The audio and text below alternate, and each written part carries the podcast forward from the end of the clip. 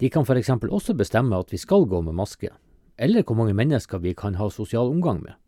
De kan til og med bestemme at vi ikke får lov til å besøke våre egne foreldre, eller unger, hvis noen av disse er på en offentlig institusjon, som f.eks. eldresenter eller sykehus. Jeg snakker selvsagt om våre folkevalgte politikere. Men hvem er nå disse politikerne, som kan bestemme så mye over oss?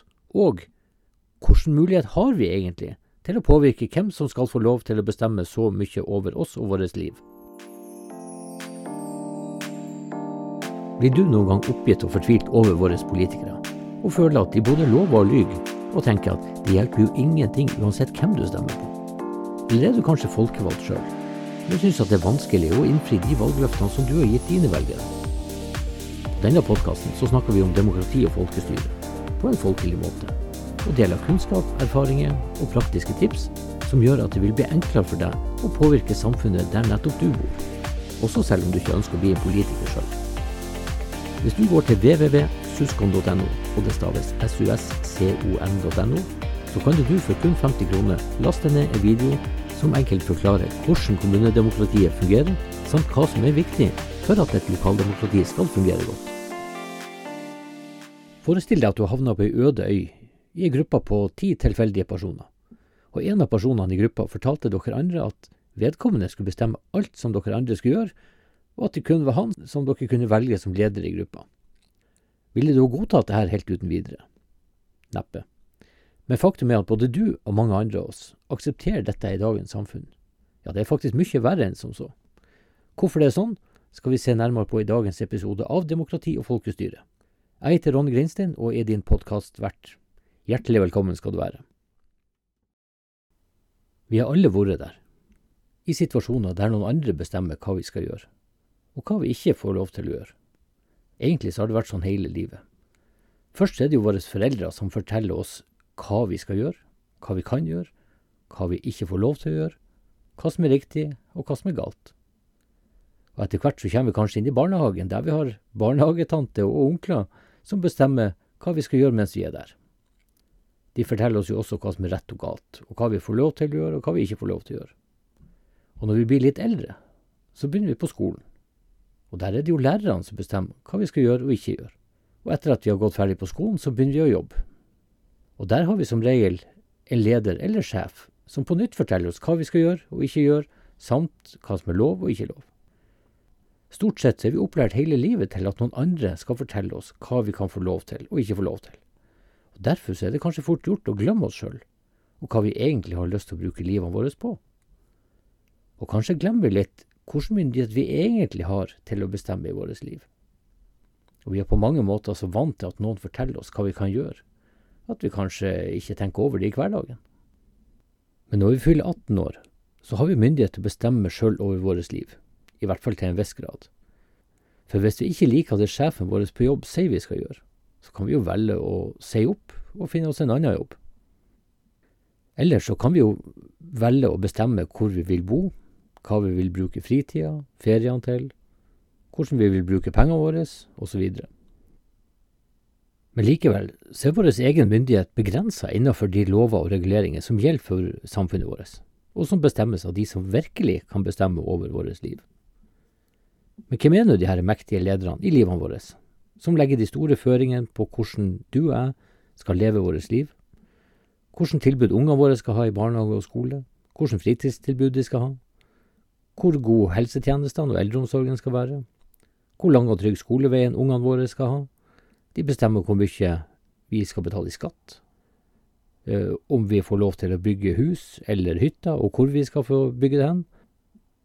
De bestemmer om vi skal få lov til å overta en landbrukseiendom, hvordan brøyting og vedlikehold på veiene skal være der vi kjører, og ikke minst hvordan kvaliteten skal være på kollektivtransporten, annet på toget, trikken, hurtigbåtene og fergen, eller bussen som kjører ungene våre på skolen, eller som vi tar for å komme til og fra jobb eller fritidsaktiviteter.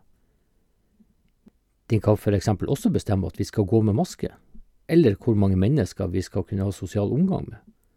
De kan til og med bestemme at vi ikke får lov til å besøke våre egne foreldre, eller ungene våre, hvis noen av de er på en offentlig institusjon, som for eksempel eldresenter eller et sykehus.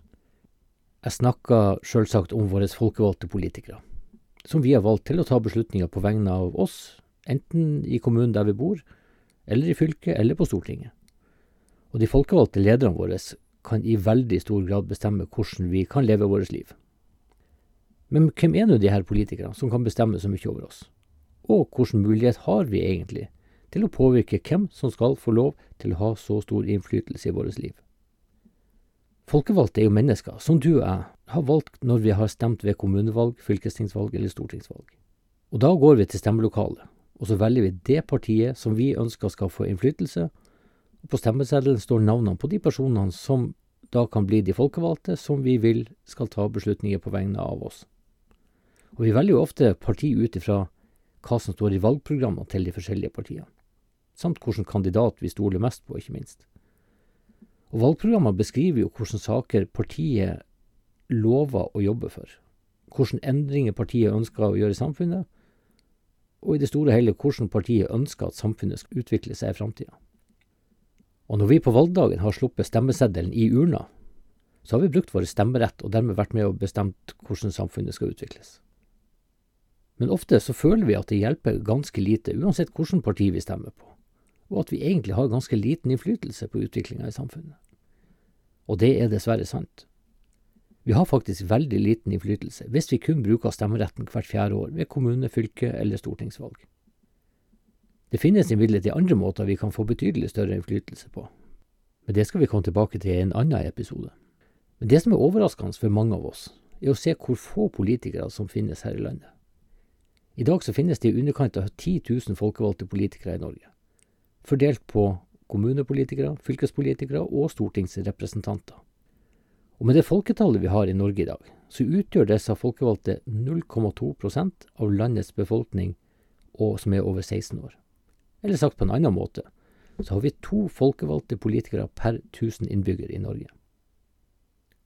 Det ville være det samme som om at vi var 1000 stykker på ei øde øy, og at det var to stykker som skulle bestemme alt, og at det måtte gå fire år før vi fikk mulighet til å velge nye ledere. Men de fleste av oss syns jo dette er greit, fordi det er jo tross alt vi sjøl som har valgt de, disse folkevalgte. Og vi har jo mulighet til å velge nye hvis vi vil, i hvert fall hvert fjerde år. Sånn fungerer jo demokratiet. Og I tillegg så får vi jo ofte høre at vi i Norge har verdens beste demokrati. Så hvorfor skulle vi egentlig stille spørsmålstegn ved det? Men noe som de færreste er klar over, er hvem av oss, eller med andre ord, hvor få av oss er det som definerer de valgmulighetene vi har når vi bruker stemmeretten hvert fjerde år. For å være med på å utforme politiske valgprogram, eller være med på å bestemme hvilke personer som skal være valgbare kandidater til politiske verv, så må man være medlem av et politisk parti. Men det er kun 2% av Norges befolkning over 16 år som er aktive medlemmer av et politisk parti. Og det å være medlem av et politisk parti betyr at du har betalt medlemskontingent og når du har gjort det, har du rett til å si din beining, legge fram forslag og avgi stemme i partimøter. Og for å være definert som aktiv medlem, så må du faktisk møte opp i partimøtene og bruke stemmeretten du har som medlem. Dette betyr i realiteten at det er kun 2% av Norges befolkning som har innflytelse til å utforme valgprogrammene som de ulike partiene går til valg på. Og det er de samme to prosentene av Norges befolkning som har myndighet til å bestemme hvilke personer som skal være kandidater på partienes valgliste, og hvor høyt opp på lista disse personene skal stå. Og Personene som skal stå som kandidater på valglistene, må også være medlemmer av politiske parti som de skal representere. Det betyr at kandidatene som du og jeg kan velge mellom, velges ut blant de samme to prosentene som i tillegg bestemmer hvem som skal stå hvor på de ulike valglistene. Så når partiene har utarbeidet sine valgprogram og bestemt hvilke av sine egne medlemmer som skal kunne bli folkevalgte representanter, og som skal ta virkelig store beslutninger på vegne av oss, så betyr det at kun 2% av Norges befolkning har bestemt hvilke valgmuligheter de resterende 98% av oss kan velge mellom når vi skal slippe stemmeseddelen i valgurna hvert fjerde år. Og innledningsvis i dag så ba jeg deg om å forestille at du havna på ei øde øy lag med ni andre tilfeldige mennesker, og at en av disse bestemte at det var kun han eller hun som kunne bestemme hva dere andre skulle gjøre og ikke gjøre, og at det kun var den ene personen dere andre kunne velge som leder av gruppa.